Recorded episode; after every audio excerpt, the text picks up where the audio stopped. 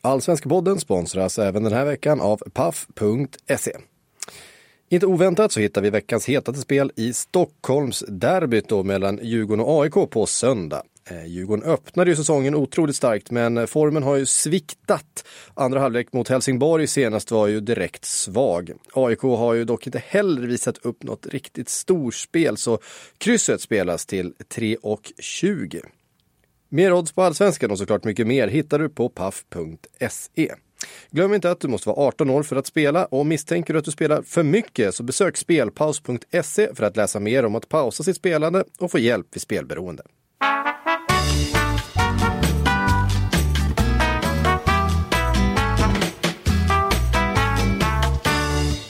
Hej och välkomna till Allsvenska podden som görs i samarbete med Robert Laul och Per Boman. Det är jag som är Laul och det är du som är Boman. Hej Per! Hej! Idag ska vi prata om fem topplag och fem typer av segrar. Om den första guldkandidaten som klappat ihop. Om P.O. Jung och Olympias tunga gräs. Om Kalmars kanonad. Och de tio dagarna som väntar med allsvensk fotboll i princip varje dag. Och förstås mycket, mycket annat. Men först, efter att jag skött spaningarna ett par veckor nu så har du hittat något. Berätta Per.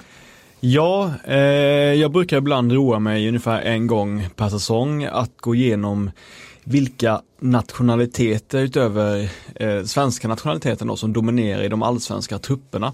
Alltså varifrån kommer de utländska spelarna i allsvenskan. Det kan vara kul att bara kika på det för att vissa år så är det ju Brasiliens spår och andra år är det isländska spår och sen är det Sierra Leone som har många spelare och sådär. Och jag brukar tycka det är ganska roligt att fundera kring vilka som är, som har, ja, vilka nationaliteter som har flest spelare i allsvenskan. Jag brukar tycka det är ganska svårt också men jag, jag har gjort en lista här eh, över de länder som har eh, då bidragit med flest spelare i allsvenskan. Och då vill jag Robert att du gissar på de tre nationaliteter som har flest spelare i allsvenskan. Ja, jag förstod det att jag skulle gissa det här och jag tänkte snabbt på det och jag kände mig så jävla blank som jag aldrig har känt förut. Eh, kan Island vara med eller? Långt ifrån en topplacering. Ja. ja. Jag har faktiskt ingen aning. Nej men eh, det brukar ju alltid vara två länder nära oss som har många spelare. Ja du menar eh, Danmark och Norge? Ja, de ja. ligger ju De ligger topp tre men de ligger två av trea. Danmark har 13 spelare, Norge har 12 spelare. Mm. Men alltså ett land som ligger etta och Ja, jag ska säga det för jag tror inte du skulle kunna gissa det på tio gissningar. Nej, nej, alltså jag känner mig helt bland. Jag känner, känner när du säger liksom nordiska länderna då är det klart. Eh, jag tänkte inte ens i, i de banorna på Danmark och Norge för det är självklart att vi har många där utan jag börjar försöka liksom spana ut vilka länder som känns eh, dominerande. Men, men, jag får liksom ingen, ingen bild så här måste ju varit något som har gått under radarn. Jag tänker att det här är på något sätt, ja men jag säger det då, eh, mm. det är alltså 16 spelare från Nigeria. Oj. Och Nigeria-spåret har man aldrig hört talas om, Nej. eller hur? Det känns inte som att det är något, någon klubb borta från kanske Sirius eller Kalmar som aktivt, aktivt scoutar i Nigeria.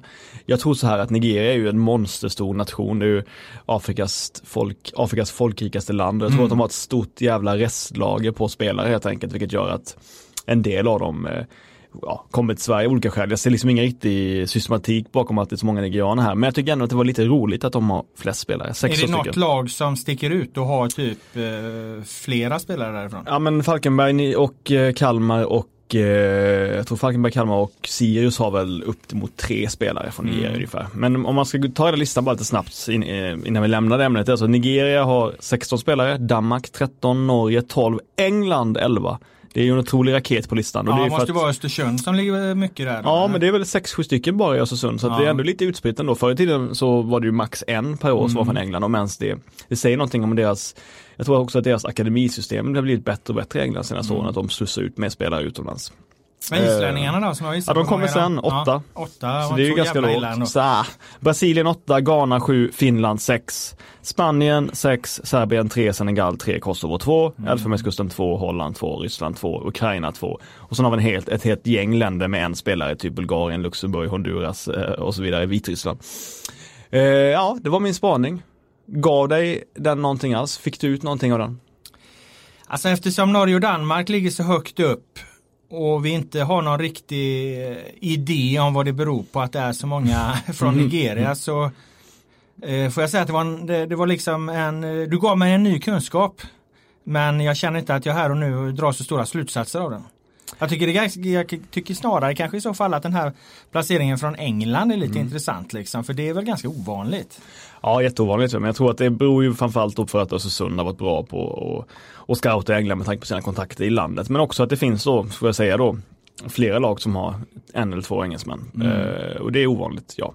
Och sen Nigeria då, eh, när man gick in på vilka lag det var som hade spelare därifrån så, så var det ju inte några av de mer eh, mediebevakade och det är väl heller inga spelare eh, där då som har satt några jättestora avtryck hittills eller? Nej, precis. Det finns liksom ingen Ja det är ju Obasi möjligen då som är, han är väl den klart bästa nigerianen han ja är men han har inte satt några avtryck den här säsongen. Nej exakt, men jag tänkte mena överlag sådär. Mm. Så att, eh, nej men det, nej, de är på stabila tre, max 3 plus än så länge. Ja. Så och jag ger att, eh, din spaning 3 plus också. Jag tror inte du väcker eh, det folkliga engagemanget på samma sätt som du gjorde med din spaning om de allsvenska highlights-paketen eller avsaknaden av dem. Vill du säga något mer om eh, din, eh, ditt, eh, din internationella utblick? Nej, vi, vi pausar där. Vi pausar där. Bra, eh, då ska vi gå vidare med våra ämnen och eh, det första ämnet vi har då det är ju från eh, omgången som precis har spelats, omgång sju. Eh, Och där hade vi fem topplag då kan vi säga eh, just nu som vann sina matcher. Och jag tänkte leda oss in på det här ämnet och gå igenom de här segrarna genom att försöka bestämma vilken segerklyscha som passar bäst för vilken vinst. Eh, det finns ju alltid ett värde av att, att med liksom en mening kunna för, försöka fånga in vad det här var för en typ av match och, och det är lite det vi ska ägna oss åt här. Och om vi tar då Malmö FF eh, som ju leder tabellen besegrade Falkenberg med 2-1 så var det ju höll på att ge bort segern, segern skulle jag säga.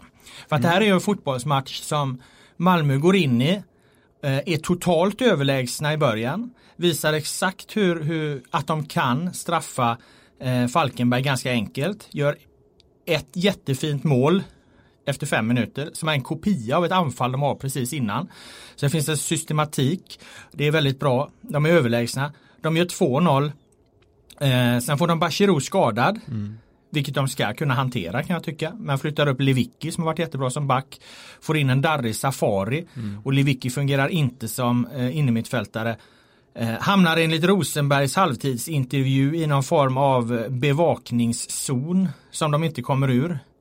Eh, Falkenberg redu- reduceras strax, strax innan paus. Och sen så är det här en ganska jämn andra halvlek. Hur otroligt det, det än kan låta. Alltså Malmö dippar 20-30 procent jämfört med sin inledning skulle jag säga. Och på slutet har ju Falkenberg ett friläge. Eh, och, och det är ju egentligen då en, en bra räddning. Eller att Johan Dahlin, målvakten, kommer ut väldigt snabbt och, och blir då som man säger stor. Eh, framför den här eh, Kirill Probnjak eller vad han heter som, som blir inhoppare som kommer helt, eh, helt fri då. Eh, så att det är ju verkligen en eh, höll på att ge bort segern seger där för att det, det kunde ju li- egentligen lika gärna slutat 2-2 med tanke på, på den avslutningen. Vilka spelare är det som inte, vilka spelare är det som borde ta tag i, för att ta en klyscha då, taktpinnen och styra matchen andra halvlek som inte klarar av det? Vilka är det som faller ur mest liksom av MFF-spelare? Kanske en svår fråga. Ja, jag vet inte om det är några eh, enskilda spelare som faller ur utan snarare så försvinner Bachirou eh, som jag var inne på och du får in Lewicki och han gör det inte alls lika bra där. Eh, Safari är darrig när han kommer in som eh, back. Och, eh, men jag tycker inte att det ska påverka så mycket. Men i kombination med att de ramlar ner i, i den här då som Rosenberg talar om bevakningszonen eh, så kommer de liksom aldrig ur det. Jag vet inte vilken spelare, eh, vad- heter han, Rösler gör ju en rad byten. Han, han gör ju ett byte som han får effekt mot eh, Hammarby med. Eh, när han slänger in, in Berget istället för Windheim. Och han tar in Rakip. Så han tycker jag gör vad han ska. Med en rad byten. Men, men i det läget vet jag inte. Vem i, vem i Malmö ska göra det? Vem, vem tycker man ska kliva fram och, och, och väcka dem där? Ja, Christiansen.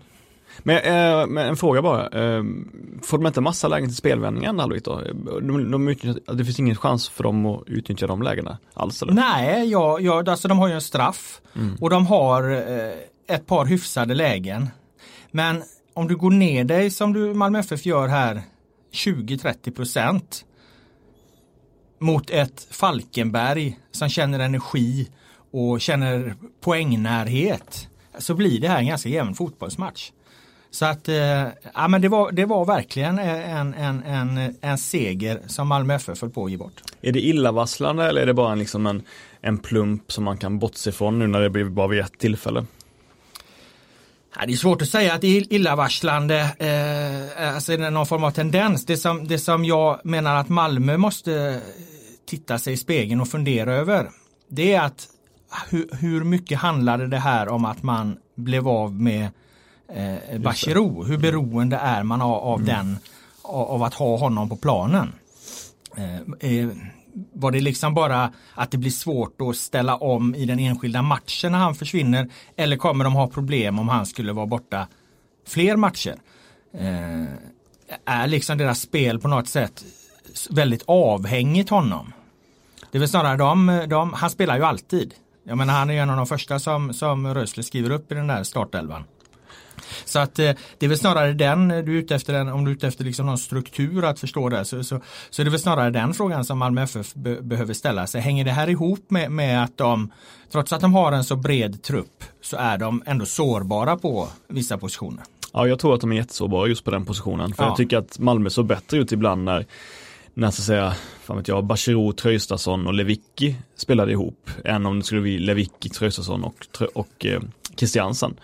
Eh, de har väl ingen som är riktigt så bra som Bachirou på det tidiga igångsättandet och på, på att sätta tempot och på att ta ansvar för hela, för hela laget. Christiansen är ju jätte, jättebra men han har ju dippar i sitt spel, liksom. han har högre, högre höjder men också dippar i sitt spel och kanske inte är den som ska liksom styra hela laget från sin position utan mer bidra med avgörande insatser, eller? Mm. Nej, eh, och Bonk Innocent eh, får ju aldrig spela numera.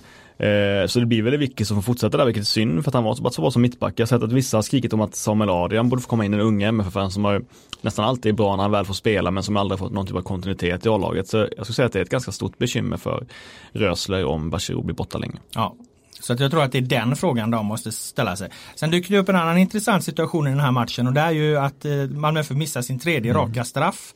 Och eh, den här gången var det Marcus Rosenberg som normalt är en bra straffskytt eh, som eh, bommar och han går ju på han, han tar ju allt vad han kan. Han är ju en kraftstraff som han drar högt eh, i ribban. Och Det är intressant med straffar. Man kan ju säga att alla straffar som inte går i mål är dåliga. Eh, men jag tycker att det här är en särskilt dålig straff.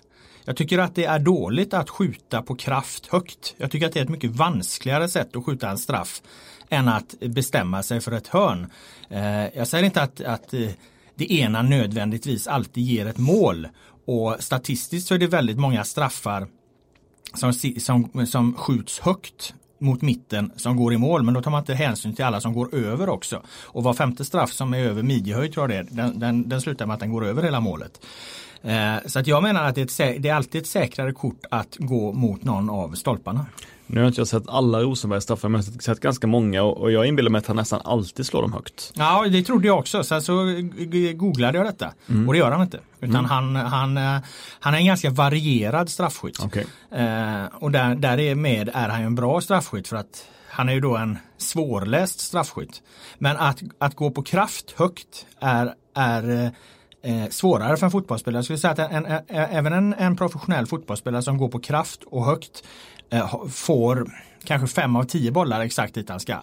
En, en, en professionell fotbollsspelare, bra straffskytt som eh, kan dra bollen i ett hörn och har utarbetat en metodik. Han sätter nio av tio i en ganska begränsad yta. I, i det, det kunde ju ungefär till och med jag själv göra. Så, så, så när jag spelar.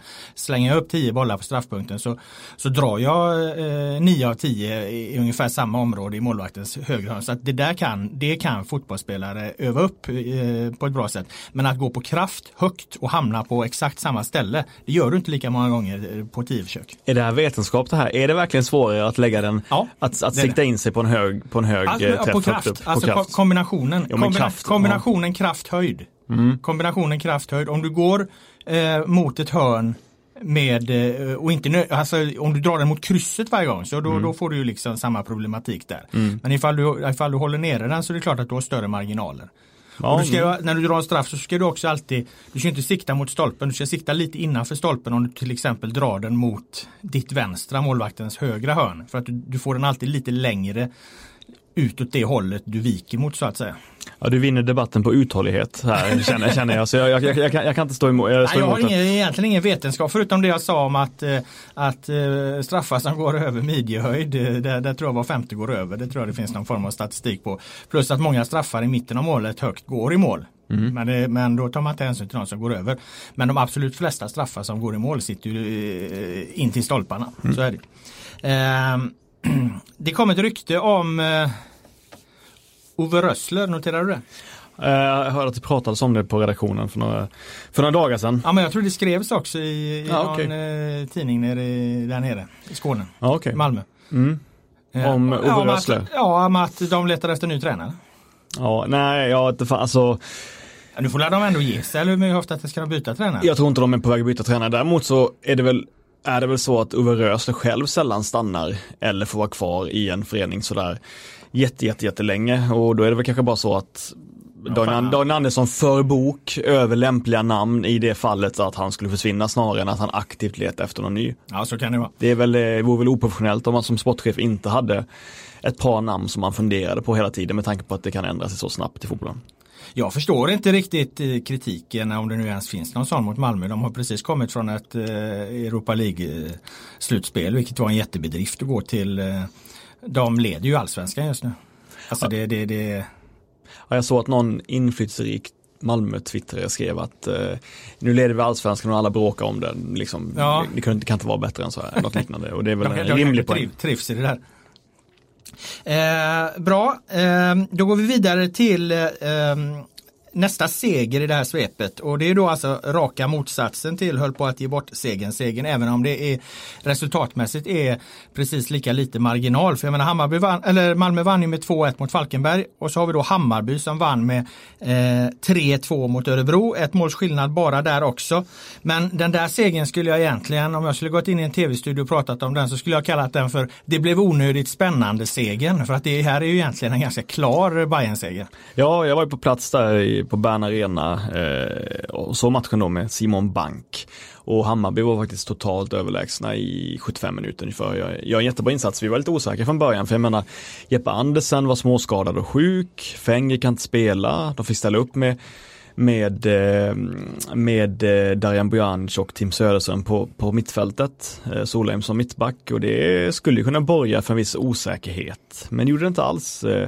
Eh, dels var ÖSK så fantastiskt dåliga. Nordin Gerzic var ungefär lika dålig som du tyckte han var i början av säsongen igen. Även för han slår de två frisparkarna som ledde till mål för dem så var han mycket dålig i själva, i själva spelet och Bojanic var kanske den bästa spelaren tillsammans med Tankovic i Hammarby och kunde styra spelet ganska opressad och när han är opressad så vet vi att han är allsvenskans bästa eh, passningsspelare. Så att jag tycker så att de klarade de utmaningarna på ett väldigt bra sätt, Hammarby. Dennis Wigen gjorde sin bästa halvlek än så länge i Hammarby. Första halvleken var otroligt fin i passningsspelet, även för han tappade lite i andra halvlek.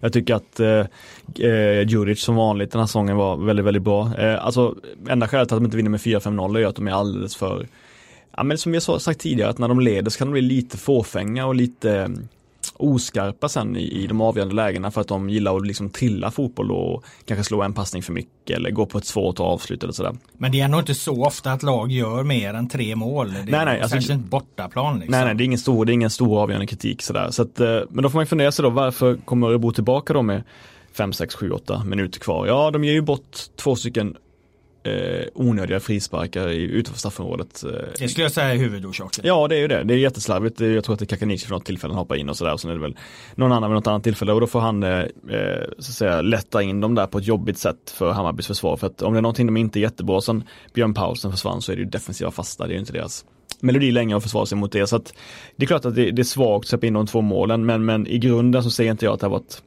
ett stort bekymmer ändå. Jag vet att de var jävligt besvikna efteråt, alla Hammarbyare, alla spelare var otroligt arga på att de inte kunde få hålla nollan, att de inte kan hålla undan. Men, men eh, jag ser det som mer tillfällighet, tillfälligheter än att de skulle vara, fan vet jag, mentalt slappa. Du håller med om att det var, blev onödigt spännande segern? Ja absolut, sen var det ju inte, de skapar ju, de skapar ju inget mer läge efter. Nej. De gör ju sitt sista mål eh, när det det var redan gått över 90 minuter tror jag. De gör sitt sista mål där, så det var, det var väl inte så jävla spännande ändå. Ja. Men då ska jag komma med en invändning här nu då mm. som du har bidragit till här och, och äh, skapa en, en äh, icke helt rättvis hype skulle jag säga. Du och Axén och några till då. Och Banko, vilka det nu var.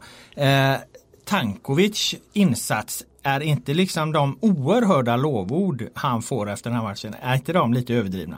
Eh, det är väl inget snack om att, att Tankovic har gjort en jättefin säsongsinledning och, och har varit bra i match efter match. Men alltså de bra grejerna han gör mot Örebro är väl inte jättesvåra och handlar det inte mer om att Tankovic är en typ av spelare som när han möter ett dåligt motstånd, då är han den typen som verkligen kan briljera. Eh, om man tittar på Bojanic så tycker jag han är bättre i den här matchen för att han hamnar oftare i svårare situationer som han löser. Det är ändå ganska trångt där inne på mittfältet och, och han hanterar det, det, på ett bra sätt. Att Tankovic eh, får bollen och det liksom är 10-20 meter till, till närmsta pressande Örebrogubbe och därifrån liksom kan sätta iväg ett förvisso snärtigt och fint inlägg. Jag menar det är ju sånt som bra fotbollsspelare klarar. Ja, men jag tror att det kanske får den här insatsen, eller de här berömmet, han har, liksom, han har ackumulerat ihop det efter många bra insatser i rad. Och så, nu var det dags liksom. Nu var det dags ge en mm. rejäl hyllning. Jag tycker han, det jag gillar med Tankovic är att han har fått det så bra han kan avväga så bra när han ska göra något svårare och göra någonting enklare numera. Jag tycker att han har en eh, väldigt hög lägstanivå i spelet. Jag tycker sällan han tappar bollen även för han spelar med ganska hög risk och jag tycker aldrig att han är den felande länken i ett misslyckat anfall för Hammarby. Om du förstår vad jag menar. Mm. Jag tycker alltid han så att säga får blodomloppet att rusa vidare. Eh, han är aldrig en, en, en spelare som gör att det saktar in eller som slarvar eller överarbetar situationen. Utan tvärtom så håller han, tycker jag, en väldig krispighet i sitt spel. Och det tycker jag är det som gör att han känns som att han har hemma på en ännu högre nivå just nu. Att han har den renheten i, i spelet. Mm. Eh, sen kan man säga någonting om Örebro också, det är att du har ju varit orolig för dem. Jag förstår det nu. Eh, eh, men jag tycker fortfarande att de har spelare för spelare ett lag som är ganska bra och intressant. Men de funkar inte? De funkar inte. De har ju eh, framförallt problem på mittbackspositionerna. Jag tycker Almenbäck länge har varit ganska överskattad. Och nu har han inte heller samma fysik som han hade förr i tiden och då vet jag inte vad han har så mycket kvar längre då. Eh, han flankeras av två unga mittbackar som man inte ska döma ut men som kanske inte riktigt klarar av det just nu. Almebäck, han är bra på att komma sent in i duellerna. Ja det är han definitivt. Men sen har vi också eh, Sen har vi också, eh, de ställer upp med tre stycken anfallare eller vad man ska säga, Strandberg som center och Bengtsson och Broberg som på kanter på något sätt och centrerande kanter. ska säga det. Men det var totalt, totalt eh, meningslöst. Carlos Strandberg, han reagerar alltid liksom. Han agerar aldrig, han reagerar alltid på allting och han reagerar alltid fem sekunder för sent. Mm. Vilket gör att han det är, det är, svårt att ha en centertank som inte låser fast en enda boll. Det är svårt att ha en bra djupledslöpare som aldrig är på gång och löper i djupet och hamnar på rätt läge. Eh, alltså jag tycker han har, jag, jag gillar Sandberg i, i grunden, jag gillar honom som spelare, han har mycket för sig men fan att, att, han, att, han ska inte, att han ska vara så osmart i själva spelet. Prodell kom in i andra halvlek, han har fått ganska mycket skit i inledningen av säsongen att han varit osynlig. Han kom in och visade med tre, fyra löpningar direkt och suger in bollar, tar rätt löpningar och skapar lägen. Och då blir också Carlos bättre när han har någon att studsa mot där uppe liksom, när han inte behöver ta ansvaret själv. Så att, eh, jag, tror att, eh, jag tror att det är nödvändigt för dem att spela med två anfallare ihop.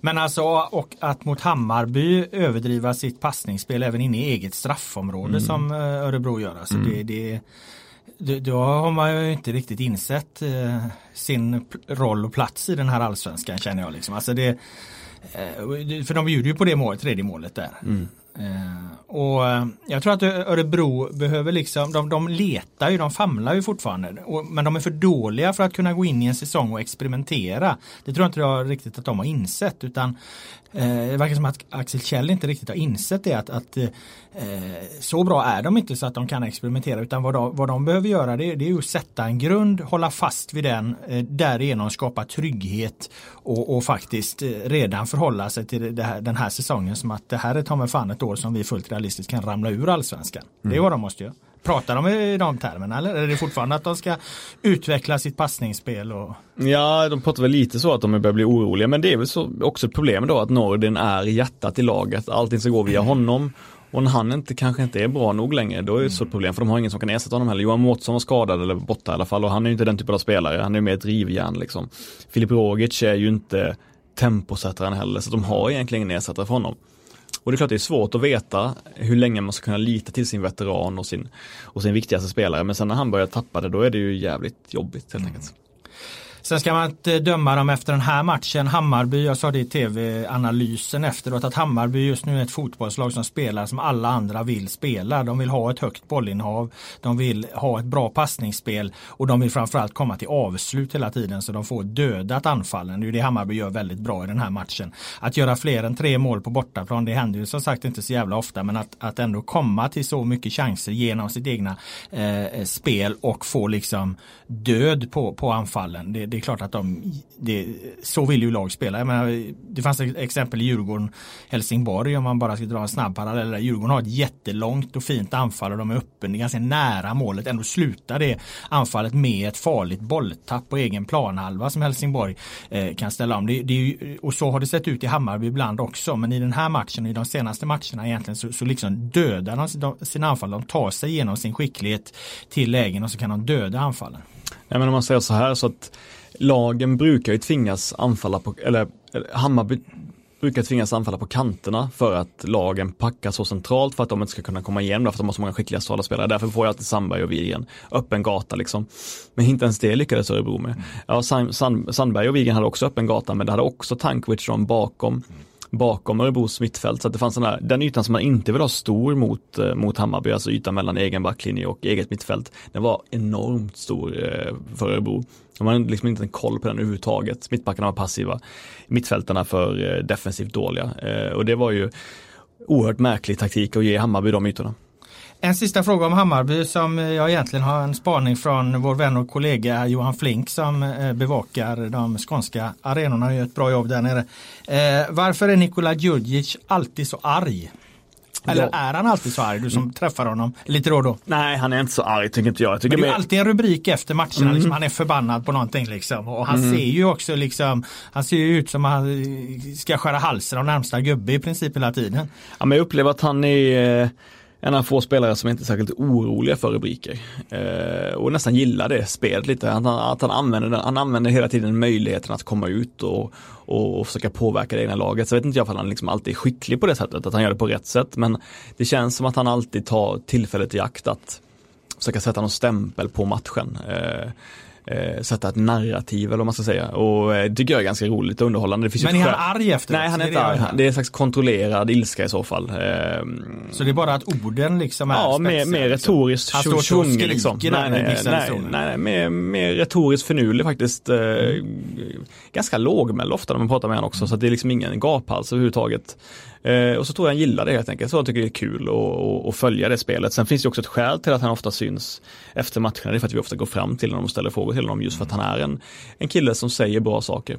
Eh, och då funkar han, det så. Han, känns också som en sån spelare. Han har, han har den liksom Anders Svensson, Henke Larsson erfarenheten. Han vet ganska ofta exakt hur mycket han kan skava på motståndaren innan han får domaren för mycket efter sig och han vet hur han kan prata med domaren och, och, och så om man tittar på liksom hans matcher här, vad, vad, vad har han fått fått han två varningar hittills eller något. Mm. Han borde ju haft 22 mm. kanske. Men, men han om han hade varit en annan liksom, spelare. Typ. Men han vet när han kan vara ful och, och, han vet liksom vad har han för relation till domaren. Hur mycket koll har domaren på honom. Har han fått någon tillsägelse. Han har lärt sig liksom det där spelet. Så. Han älskar metaspelet både på planen mm. där man liksom ska ge och ta gentemot domaren. Där man filmar lite ibland för, för, för att förstärka en situation för att visa att de behandlar mig dåligt.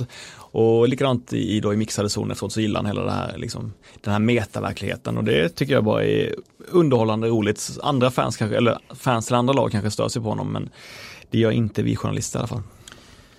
Eh, bra, då går vi vidare till eh, eh nästa seger här i den här segerkavalkaden och det är eh, eh AIK som ju vann med 2-1 mot AFC. Och eh, den segern skulle jag säga är räddades av målvakten segern. För att eh, det här är egentligen en match som AIK är dominanta i.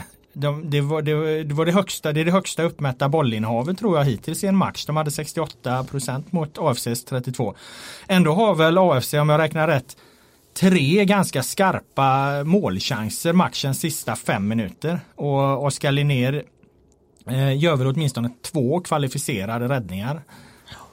Ja, eh, när man, rätt bild? Ja, var där. ja, jag var där. Jag tycker att, eh, jag tycker att AIK gjorde helt rätt då. Eh, att gå tillbaka till sin 5-3-2 uppställning. Eh, jag, var, jag sa, skrev någonting om att det är som att träffa en en gammal släkting, en kär gammal släkting och, och, och liksom vara glad över det. Men sen efter ett tag så märker man att man stör sig lite på honom men man är också glad över att träffa honom. Liksom. Så var det väl för fansen att, att se den uppställningen igen. Eh, men det finns en grundtrygghet i den.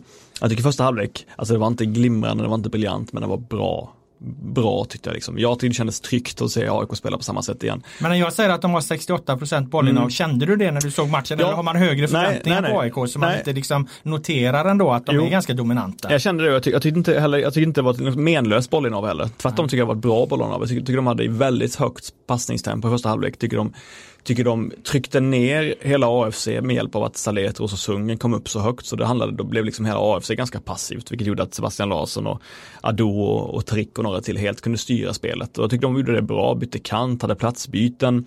Anton Saletros gjorde en jättefin match som vänster-wingback. Han är ju i grunden en osnabb spelare. Och det kan ju vara ett problem ibland om man ska ha Han har ju testat som vänster-wingback under sin förra session i AIK och varit ganska dålig där vi inte kunnat trampa förbi sin motståndare men i den här matchen när de faller tillbaka ganska mycket AFC så eh, ger det han väldigt mycket tid att bara serva in bollar med sin fina vänsterfot och, och vara mer så att säga inte behöva utgå så mycket från, från speed och fart och, och styrka sådär och då är han ju en väldigt bra, bra passningsfot och det visade sig flera gånger, flera gånger i matchen, han var faktiskt väldigt bra hela tiden.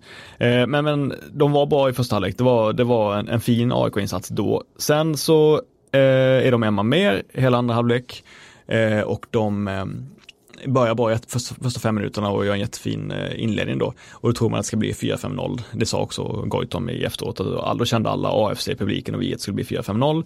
Men då gör helt plötsligt eh, AFC en reducering efter slarv i AIK och då märkte man någonting som är lite ovanligt för AIK. Det var att de blev rädda min bild är att AIK sällan De blir skärrade alltså? Ja, jag erkänner också spelarna efteråt. Liksom. Eh, det är för att det går så dåligt just nu, för att, mm. går så dåligt, de ligger fortfarande i toppen, men att, mm. att de har tappat mer poäng än vad de har velat göra. Då har de ett väldigt lågt självförtroende, ja. för att det är väldigt eh, ja. sårbart det där självförtroendet. Ja, och för att man vet att AIK är en klubb som man inte får eh, hålla på på det sättet och misslyckas för länge, särskilt inte inför ett derby. Så jag tror helt enkelt att det var en rädsla som slog in och det var ovanligt att se eh, i AIK. Eh, Sen är också AFC ett obehagligt lag att möta för de blir tvärt aldrig rädda de är som sånt hopkok av, eh, av spelare som jag tycker, som jag sagt tidigare, alla spelare kämpar för ett nytt kontrakt någon annanstans nästa år, vilket gör att blir de en man mindre, ja då ser vi dem som ett bra träningspass, att ändå visa att, att de är ganska bra, de enskilda spelarna då liksom och vill fortfarande göra ett, ett bra jobb så att de verkar Det man alls... normalt brukar kalla för att de spelar för, för sig själva, ja. det brukar man ju se som något negativt. Men, men i, i, ett sånt här svagt lag så kan det snarare bli en styrka menar du då? Ja, jag kände att det var så, absolut. Mm. Fast inte, de spelade någon slags 5-2-2 i, i, i andra halvlek och skapade fler chanser än, än AIK och, och, totalt obrydda om, om situationen och det är klart att det måste vara obehagligt för ett lag som tog, alltså när, när ett lag inte följer universums lagar och går bortom det så är det klart att det blir svårt att ta till sig för AIK som väl trodde att, att AFC bara skulle sitta tillbaka. Men Linné revanscherar sig? Ja, det gör han väl. Han är ju ganska, ser ju lite halvt slarvig ut vid deras reduceringsmål så det är inga fem plus för den insatsen. Nej. Sen är det klart att det är bra. Men på slutet? Ja, det är alltså. jättebra ut. Självklart jättebra. Sen är det obegripligt att de ska kunna få skapa de chanserna. Och det tror jag AIK, alltså hade de inte vunnit den matchen så hade det varit total, mm. total katastrof. Jag tror jag på riktigt att Norling hade hängt löst faktiskt. Så att eh, det är en ganska ödmjuk Norling vi har att göra med just nu. Eh, vad bra för att då har jag en, en, ett inspel där. Eh, för vi pratade ju förra podden om det här med deras eh, formationsskiften och så vidare och att han nu då gick tillbaka. Jag hade ju en teori där om att han gjorde det här liksom i något slags förebyggande syfte för att, att få, få, få, tyst på alla och nu har han provat det. Det fungerade ännu sämre. Nu kan han i lugn och ro gå tillbaka till det han egentligen vill göra och han kan liksom ganska ostörd bygga vidare på det och, eh, och ja, för att det är ju det så här han egentligen vill spela. Och nu slipper han liksom en massa tjafs om att uh, vi ska ändra oss. Och det kan ha varit att spelare internt i laget har velat prova något annat. Nu har visat för dem att det är liksom inte så enkelt och vi blir faktiskt sämre i det här. Och nu är det Norlings linje som gäller igen. Köper du det? Nej, jag önskar jag kunde göra det. För som ja. sagt, hade han gjort det så hade han varit fotboll, allsvenskans Machiavelli. Då hade han varit... Då Vad har du för belägg för att det inte stämmer då?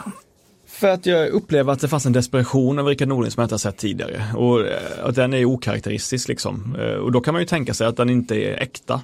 Som du säger att han har artificiellt eh, knådat fram den här för att kunna göra det här visa beslutet och försöka visa alla att man måste spela Rickard Norling fotboll för att vinna matcher. Men jag Jag önskar att det vore så, för då hade vi fått en, då, då hade jag, jag menar, jag varit helt imponerad av det bara, men jag tror inte att det är så. Mm. Eh, vi går vidare till eh, Häcken som ju besegrade GIF Sundsvall med 1-0. Och eh, det är ytterligare då en uddamålsseger, men jag skulle ändå kalla det här för inget att snacka om segern. Och då bygger jag det på att det är ingen slump att Häcken håller nollan. Häcken har släppt in minst antal mål i den här allsvenskan. De har alltså bara släppt in fyra mål på eh, sju spelade matcher nu. Ja, men med, med GIF-supportrar hade nog tyckt att det var det här... Eh, det här kommer att få checka ja, upp etiketten inget snack om segern tror jag är, är fel. Ja. Eh, som jag förstår det var Giffarna det klart bättre laget första halvlek. Eh, och vaskar fram en hel del chanser med sitt ganska intressanta kombination av så att säga, det tidiga, det tidiga låga kortpassningsspelet med varierade med den långa bollen mot, mot Hallenius, sen blev Bataneo skadad. Juanjo var otroligt bra som jag förstår det. Jag tror, jag tror faktiskt att Giffarna var, jag såg inte matchen men av alla rapporter att döma så var Giffarna det bättre laget första halvlek och att eh, Häcken faktiskt kom undan med blotta förskräckelsen. Jag vill säga någonting också om, om Häcken. Paulinhos straff, mm. var den den sämsta man sett på många, många år eller? Alla straffar som inte går i mål är dåliga. Men han, han sköt ju lågt rakt på. Så. Han sköt, det, det, var som, det var som att en straff som placeras i bortre fast rakt, rakt på Eskelinen. Det var otroligt konstigt, var inte det? Jo, den jo, straffen förtjänar en analys, inte Rosenbergs straff i ribban. Den straffen som Paulinho slog var ju hiskelig. Jo men den är ju bara dålig. Så mm. att där, det finns ju inte att diskutera. Rosenbergs straff är, äh, märker ju, där finns det ett visst, visst motstånd. Äh, vissa vill hävda att det är en väldigt bra straff egentligen. Jag säger att det är en väldigt äh, chans. Jag säger inte att Rosenbergs straff, det kanske jag sa förut, men vad jag egentligen menar är att jag tycker det är väldigt chansartat att slå ja. en straff på det sättet. Eh, och, jag... och, då Paulinos straff är ju bara dålig. Det, det, det, det går ju inte att hitta något positivt i, i, i, den liksom. Nej men om man går in på Alltså även om målvakten har gått åt fel håll så hade han ju hunnit resa sig upp och gå och plocka upp den i, i andra delen av målet där. Men även om, om, om jag inte tror att Häcken var så pass dominanta då så är det ju Nej, jag menar inte att de var Nej, dominanta jag vet, utan jag, menar mer att det är ingen slump Nej. att den här matchen faktiskt slutar just 1-0 till Häcken. Nej. Eftersom Häcken eh, håller nollan och Häcken har släppt in minst antal mål, mål. Och har du bara släppt in fyra ja. fucking mål på sju matcher så är inte det tillfälligheter. Alltså är det heller ingen tillfällighet att inte GIF Sundsvall gör några mål. Nej, men det var ju, ja. De nollar då skyttekungen och månadens spelare Exakt. Linus Alenius. Ja men det var ju andra ledet då i, jag skulle säga att det ja. är ju det är ju så att Stare fick uppdraget att täta till Häckens defensiv när han tog över efter Gerhardsson och gjorde det väldigt bra ju. Häcken blev ett bra försvarslag redan då och Andreas Salm har väl eh, byggt vidare på det helt enkelt då, att i första hand säkra defensiven och de har ju en, en jättebra, ett jättebra mittbackspar.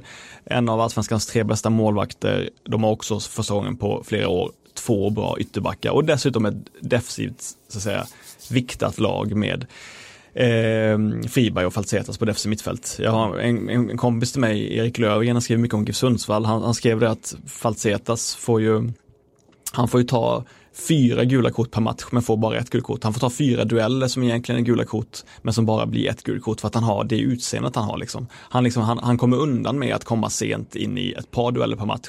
Vilket gör att han hela tiden kan spela på gränsen för han får ett gult kort väldigt sent ofta. Liksom.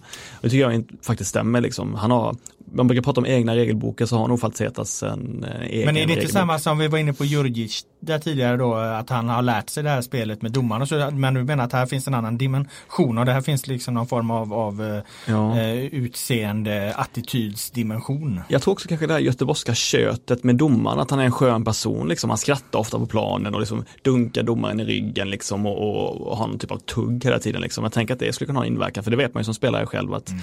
byggde man en bra relation med domaren så kommer man undan med mycket mer även för man var en ganska ful spelare. I alla fall min uppfattning att mm. den typen av personligheter Eh, har eh, kommit undan med mer saker. Så att, nej, men att, att, att Häcken har en bra defensiv, det får man ju verkligen det ska verkligen Andreas Alm ha beröm för. Ja, för jag skulle vilja dela upp det där i lite olika delar. Du nämner då de, de enskilda spelarna och mm. de är ju naturligtvis då den största eh, faktorn till det. Sen har de ju då, de får ju spela med, även om Friberg varit borta nu så, mm. så upplever jag att Häcken har en eh, bra kontinuitet här på de här positionerna. Mm. De har sin backlinje liksom och den, den rubbar de inte utan det är de här som spelar och, och gjorde ju mycket i kuppen också. Så mm. att eh, det här sitter ju. Och sen har de ju då eh, Andreas Alm som vad jag var imponerad av Alm i AIK det var ju liksom den här omsvängningen han gjorde av AIK ett tag när AIK helt plötsligt blev, eh, kommer du ihåg de där åren, vilka år var det, när de blev en, en gick från att vara det vanliga AIK liksom med mm. starkt försvarsspel och, och, ganska få mål till liksom att ganska uttalat bli ett roligare fotbollslag. Ja, med Quaison och Bahou Ja, och så vidare. precis. Mm. Och, och, det där liksom, det, det, det, förändrade han bra på ett bra sätt. Liksom. Han, han behöll ungefär samma poäng, antal poäng som man hade tidigare. Men det var ett helt annat AIK. Det var ett AIK som gjorde oerhört mycket fler mål, eh, skapade mycket fler chanser. Släppte visserligen då också in eh, mycket fler mål. Men, men han, han vred på det så att han är ju liksom skulle säga att han är en ganska bred och, och eh, kompetent tränare och, och, och, kunna liksom spela på många olika sätt Andreas Alm. Och eh, det tror jag är bra för just Häcken. För Häcken har sin historia och Häcken har sitt ok med, med att eh, vara det här laget som, vad de brukar säga, om de bara får för ordning på försvaret också. Det har de faktiskt haft nu i, i, i ett par år, ett fungerande försvarsspel. Eh, och, och nu är de ju ett, ett lag som fungerar egentligen i, i de flesta riktningar.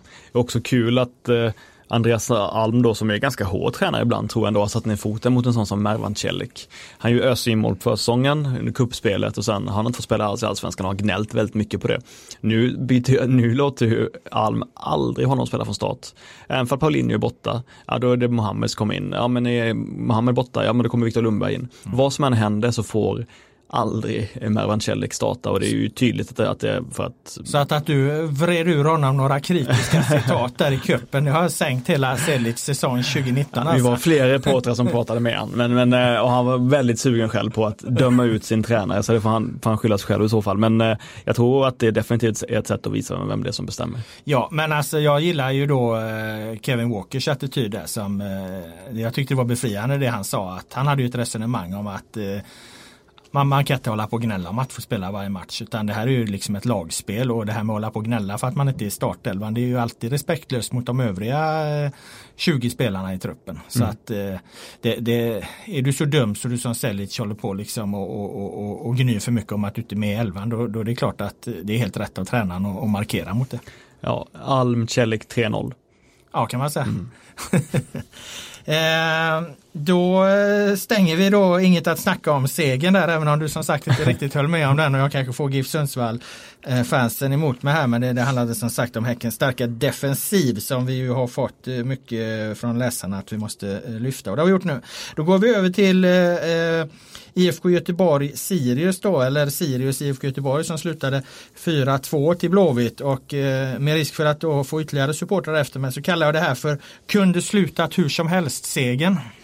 Ja, jag såg inte den här matchen, jag var ju på plats på en annan match, men du får gärna utveckla.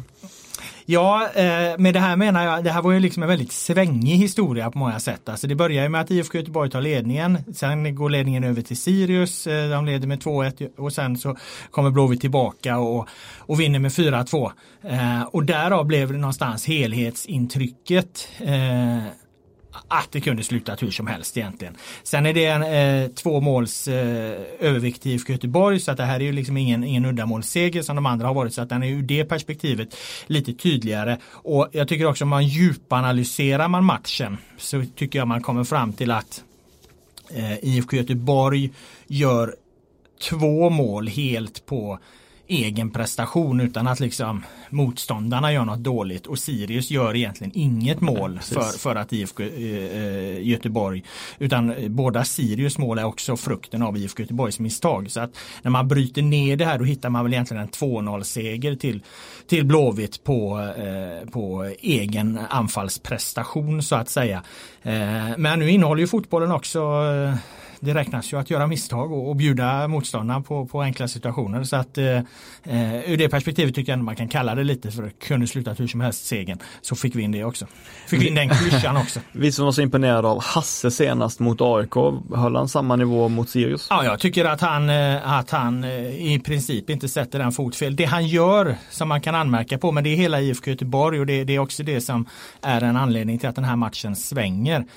Det är ju att IFK Göteborg kommer in i en eh, i en period i första halvlek där de leder med 1-0. Där de har backat hem och mer liksom och visat sig taktiskt flexibla igen. August Erlingmark går ner så det är nästan liksom en 3 5-backslinje istället för fyrbackslinjen som de inleder med. Ehm, och i det läget så, så eh, är det en boll som är strax utanför eget straffområde och, och Al-Hassan Yusuf han, liksom, han gör en liten klack bak till e egen back som blir lite för kort och en Sirius-spelare kommer emellan. Jag kommer inte ihåg om det blir frispark i den situationen. Men jag tänkte på den för att den, den det var lite chansartat. Eh, det blev inget farligt av det. Men några minuter senare så gör Sebastian Olsson ett väldigt billigt bolltapp uh, ute på sin kant. Och Sirius eh, snor bollen, kontrar, gör mål. Och eh, ytterligare några sekunder efter det målet så är det Kalle Sir som slår bort en, eh, ett uppspel ur egen backlinje som han i princip slår. Ja, han slår det mot Al-Hassan och de har inte riktigt kommunikation. Det är väl Kalle Sirs misstag det här. Eh, och Sirius bryter och gör 2-1 liksom. Så att den här Al-Hassans lilla klack där, den kom liksom i ett läge då jag upplevde att IFK Göteborg blev nonchalanta. Att det kanske gick lite för lätt för dem. De började göra enkla misstag och, och IFK Göteborg har inte råd att göra den typen av enkla misstag, inte ens mot Sirius. Um, om jag säger att, nu vet inte jag, jag såg inte den här enskilda matchen, men, men om jag säger att Parker Lagemyr har varit en av allsvenskans tre bästa spelare under våren, håller du med om det då? Uh, för jag tycker, att, jag tycker med att han var ja, bäst i, i, i Blåvitt. Ja, han har ju fått ut väldigt, väldigt mycket. Eh, så att i kombination med, med eh, vad han också gör i, liksom i poäng, alltså den poängspelare han har varit, mm. så måste man väl säga det. Eh, Sen jag har inte hela listan framför mig. Det, det, det, det, är klart att det, möjligen kan finnas spelare som, som har ett högre eh, totalvärde. Men jag menar det som vi ofta tittar på, det som liksom jag menar fotboll någonstans i, i slutändan också handlar om att, att eh, genom egna bra individuella prestationer göra sina poäng och, och vara inblandad i de här avgörande situationerna. Eh, där har han ju varit väldigt, väldigt bra. Jag har noterat att eh, ganska många Blåvitt-supportrar är liksom gärna pikade lite nu och sådär och är, har gott självförtroende och tycker att det är gött att sätta dit alla experter som har gjort bort sig angående Blåvitt. Eh, hur ser du på den typen av utfall?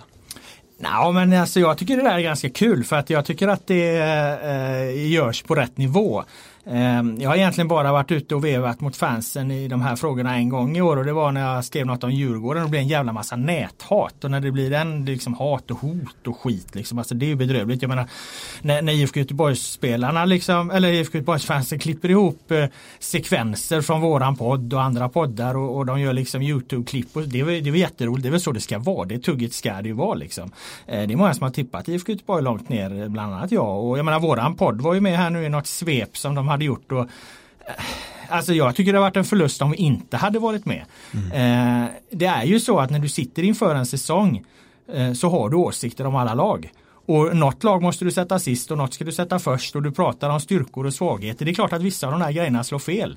Och jag tror inte fansen de vill ju inte att vi ska sluta prata och spekulera, det hör ju till. Och, och när det då blir liksom saker som blir galet, ja då, då, då, då är det klart att de passar på liksom. Så att Äh, det där tycker jag bara är kul. Hade vi inte varit med hade jag varit djupt besviken på, på att vi inte hade tillskrivits det värdet. Så att det är klart som fan vi ska vara med i en sammanställning när, när vi liksom dömer ut IFK Göteborg för tidigt.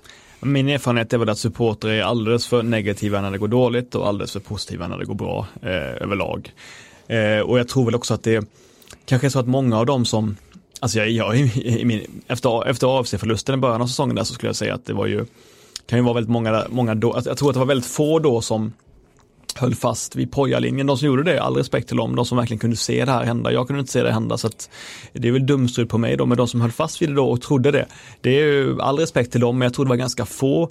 Jag tror att det är ganska många som kanske känner en ångest över att de, över att de inte backade honom i det läget som nu måste slå så att säga, extra hårt eh, mot dumma experter och journalister för att de känner kanske lite, lite, ja, de känner kanske att de måste överkompensera lite. Ja, nej men så är det ju och det fanns ju ingen som såg att det där skulle hända efter 3-1 förlusten mot AFC i, i premiären. Det, det, det är klart att man måste man måste analysera det där på rätt sätt och det är ju en remarkabel förändring som har, som har skett. Det är en total scenförändring. Den är en av de eh, mest eh, kraftfulla eller vad ska jag säga, där det har varit de största skillnaderna på en prestation. På den prestationen IFK Göteborg gör eh, mot AFC i premiären. Och i kuppspelet kan man säga överlag. Och i kuppspelet också. Till prestationen eh, den första kvarten mot Elfsborg. Eh, och, och sen så får man in 1-0 och sen kommer det här 2-0 målet som jag tror blev något momentum när Benjamin Nygren rullar in, in 2-0 och liksom spelarna och alla känner att fan vi är egentligen bättre än, än vad vi själva har trott och vad alla andra har trott. Alltså det där blir liksom ett som jag skrev redan i krönikan då när det hände, ett, ett säsongsdefinierande ögonblick. För, för därefter, därefteråt har ju IFK Göteborg egentligen radat upp bra prestationer och fått väldigt många poäng med sig. Men att, att man skulle se det hända eh, på det sättet från 1-3 mot AFC. Det, det är ingen som har gjort det. Någon som säger det i efterhand så, så är jag övertygad om att de ljuger. Det, det trodde ju inte ens de själva på. Eh, så, att, så att det är klart att, och det är någonstans det också som är, är charmen i fotboll. När du tittar liksom på, på en serie och inför en säsong så är det alltid något lag som är mycket bättre och som gör något som du inte hade räknat med. Och hade inte det ideligen hänt i fotbollen så hade inte fotbollen varit lika rolig. Nej, man får ju säga att, att Blåvitts upphämtning som, som lag och som trupp och som förening den här våren har ju varit det mest uppfriskande i hela allsvenskan. Ja, absolut. Jag var ju där på, i, i Uppsala och det var ju lite roligt för Poya Asbaghi kom ju fram efter presskonferensen. Jag ställde ganska många frågor på presskonferensen. Eh, dels eh, om, ja, om han själv var förvånad och så här men också det var en intressant ta taktisk detalj därför att IFK Göteborg gör ju 1-0 väldigt tidigt. Eh, det, det, är ju i första minuten. Och vi pratade om det här med scouting eh, inför att de scoutar Blåvitt eh, för dåligt motståndarna. Vad, vad händer i den här matchen efter en, en minut? Jo att det är ett bolltapp en bit in på på Sirius planhalva. August Erlingmark kommer upp aggressivt i, i, i press. Eh, bollen går då sen, sen liksom mellan Nygren, eh, Paka Lagemyr och eh, Karasjvili och i mål liksom. Så att där firade de ju direkt triumfer på det här höga pressspelet och att Sirius liksom inleder matchen med att, med att försöka spela svårt centralt mot den här bakgrunden. Ja, det är så oerhört eh, korkat så de har inte heller gjort sin läxa där. Alltså att börja så efter en minut, man får ju liksom jag menar Lasse Lagerbäck överdrev det. Han, han slog ju inte en svår, han, hans lag fick utslå en, slå, få, slå en svår passning i första kvarten liksom. Men att liksom börja när man, är lite småstill och så och, och gå bort sig direkt centralt, alltså det, det är för dåligt. Mm. Säga? Nej, ingenting. Nej. ingenting. Fortsätt, du var ja. inne på presskonferensen. Ja, absolut. Och då, men det, det som händer direkt efter det här målet är att Poja han, han eh, vinkar till sig Erlingmark tror jag det eller han vinkar på uppmärksamheten från Erlingmark och håller två fingrar i luften. Mm. Och, och, och, skickar det här budskapet då. Och det visste inte jag vad det betydde exakt då när han gör det. Eh, men, men IFK Göteborg, vi har pratat om att de är taktiskt flexibla. Och eh, jag frågade honom på presskonferensen och då handlade det om att han var lite osäker på hur Sirius egentligen hade ställt upp, hur de, hur de skulle starta, om de skulle ha trebackslinje eller tvåbackslinje. Och, eller trebackslinje eller fyrbackslinje. Och IFK Göteborg de spelar lite olika beroende på om motståndaren har eh, tre eller fyra. Så att efter, efter det här målet då går de mer tillbaka till ett tre slash eh, fembackslinje. August Erlingmark eh, eh, sjunker lite längre ner. Mm. Så att eh, då fick man i alla fall svar på när, när Poja gör sin, sin tvåa där i luften, så vad den betyder. Men sen så eftersom vi har våran historia, jag och Poja där, så kom han faktiskt fram efter presskonferensen och så sa han äh, så här och det kanske överraskar en del men det tyckte jag var, var fint av Poja. Att eh, ah, ja, då efter din krönika där i höstas då, så, så, ringde du mig och bad om ursäkt och nu är det jag som ska be dig om ursäkt.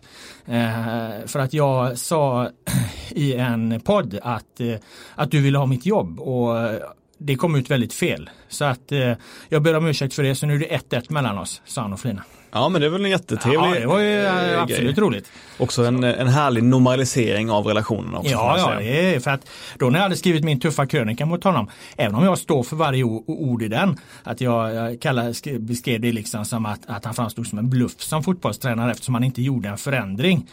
Eh, så tog ju han väldigt illa vid sig och jag vill inte såra människor så att jag ringde upp honom och sa att, att jag ber om ursäkt för att jag sårar dig även om jag står för det här. Mm. Och nu då, eller efter det här då så hade, pratade han i den här podden då om att, om att jag var ute efter hans jobb och jag menar det, det är ju helt uppåt väggarna såklart. Och nu bad han om ursäkt för att det kom ut fel och, och nu står det 1-1 och, och, och, så. Så att det är precis som du säger, det, det, det är kul när det blir så. Mm. Bra, har vi något mer om eh, IFK Göteborg och eh, segern mot Sirius? Nej. Bra, då stänger vi det här med topplagens eh, vinster och går över till, eh, eh inte en förlust, men ett kryss och IFK Norrköping och den första guldkandidaten att klappa ihop. Är det för hårt?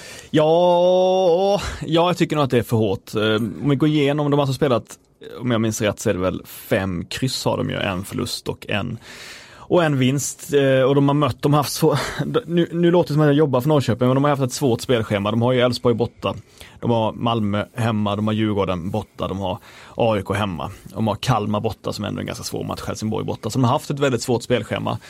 Eh, men det jag kan kanske störa mig lite på det är att jag märker att de är så snabba efter matcherna, både Jens Gustafsson och Simon Tern i att hitta förklaringar till det här, till varför det inte är så farligt. Ja, folk säger att det här är, det ser inte bra ut, men vi ska säga att det är faktiskt inte så farligt. Och jag tycker att de är lite väl snabba på det. För jag är 100% säker på att hade de vunnit den här matchen så hade de sagt det var helt nödvändigt att vi vann den här matchen för att hänga på. Så jag tror att det är ganska skakigt i Norrköping och när man kollar på dem så, eh, nu har ju, man, jag har ju varit väldigt kritisk mot försvarsspelet eh, tidigare, de tre mittbackarna. Det ser ju bättre ut nu skulle jag säga. Eh, men nu är det istället det egna passningsspelet som inte fungerar. Jag, jag, jag funderar på varför det är så. För de var ganska bra första 20 minuterna mot Elfsborg. Det var inget fel på den, på, den, på den insatsen. Det var, det var hög press och det var fina kombinationer och sådär. Men allt eftersom så är det ju så är det som att Norrköping som lag slits sönder av, av Elfsborgs eh, snabba snabba tre forwards och, och, och snabba spelvändningar. Jag tycker liksom inte att Alexander Fransson och Simon Tern får kontroll på matchen. Och det överraskar mig väldigt mycket, särskilt när man har tre mittbackar att falla tillbaka på och rulla tillbaka bollen på. Man har två wingbacks också att hitta, hitta lätta passningar till. Jag förstår inte varför inte Norrköping lyckas kontrollera bollinnehavet. Eh, och det är kanske för att det inte finns någon kontinuitet. De har, de har bytt spelaren framför ganska mycket. Ibland är det Haksabanovic, ibland är det Simon Skrabb och sådär. Eh, men, men jag måste säga att jag vet inte varför de inte lyckas med det. Jag, jag, har, sett, jag har sett att det fanns en de lokaljournalist i Norrköping, David Ivung och Jonas Dag, jag följde deras resonemang, de var lite oroliga för att Norrköping var för dåligt tränade. Så att de skrev, att de alltid tappade i, efter en timme spel ungefär, att de ofta tappar kraft eh, efter paus. Och det finns ju ett sånt mönster absolut. Vi har AIK, vi har Djurgården, vi har Elfsborg nu, där de har tappat väldigt mycket kraft just efter paus och inte lyckats upprätthålla sina linjer i spelet. Eh, det är väl någonting man ska fundera på. Jag kan ju inte säga, jag vet inte för de har tränat för dåligt eller för de har för dålig grundkondition. Det låter som att det kanske är en enkel analys, men Men kan man inte komplettera den bara lite med att det kan faktiskt vara så att de är trötta där men inte beroende på att de är för dåligt tränade utan för att de kör ju något så in i helvete från början. Mm, det, det får ju, det, får ju, effekter såklart. Mm. Alltså öser du på så som du gjorde mot eh, exempelvis eh, AIK, det är klart mm. det frestar ju på för motståndarna mot att försvara sig mot det också men det är, de, de jobbar ju väldigt mycket på att öka sina maxlöpningar. Det, mm. det har ju Gustafsson varit tydlig, gått in tydligt med i, i den här säsongen att, att det nästa steg de behöver ta är att öka antalet eh, maxlöpningar och att hålla på maxlöp löpa stup i kvarten, jag menar det, det är jobbigt. Och det är mm. också det som skiljer eh, kanske svensk fotboll allra mest från internationell fotboll. Att vi har liksom inte de här maxlöp, de här tempoväxlingarna som man har mm. internationellt. Och, och, så att det är ju i så sätt en korrekt analys av Gustafsson att han, att han försöker eh, jobba på det här spåret. Eh, att, att förbättra antalet maxlöpningar, få kraftigare och tydligare tempoväxlingar. Men eh, det, ju, det, det kostar ju på. Mm.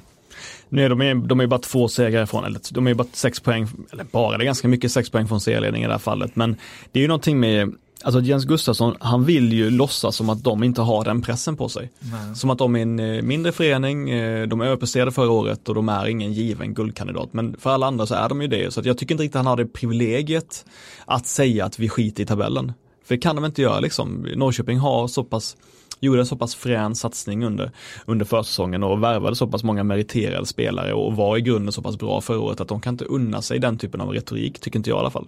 Eller vad säger du? Nej, jag håller med och eh, min eh, analys av det, eller när jag hör liksom Norrköpings problem och man har ju följt eh, den här serien så länge och, och, man märker när det börjar låta som det har gjort för andra lag som har problem. Det är när det liksom när det ena matchen är en typ av problem och andra matchen en annan typ av problem. Och sen kommer ett tredje problem. Och så får man försöka svara och hantera. Och idag var det det här som gick snett. Och idag var det det här som gick snett. Och idag var det det här som gick snett. Och idag var det det här, det här som det slutar liksom aldrig, det kommer alltid upp eh, eh nya problem. Och det beror ju på att i ett fungerande lag så har man ett bekymmer, man kanske är för svaga på inlägg. Ja, då fokuserar man på det och så eh, åtgärdar man det. Och sen så dyker det inte upp problem någon annanstans. Eh, då har man liksom någon, någon form av, av, av fungerande eh, lagbygge där man kan identifiera sin problematik, lösa den och fortsätta gå framåt och utvecklas. Men, men när det hela tiden ständigt dyker upp så här, nya grejer som inte funkar.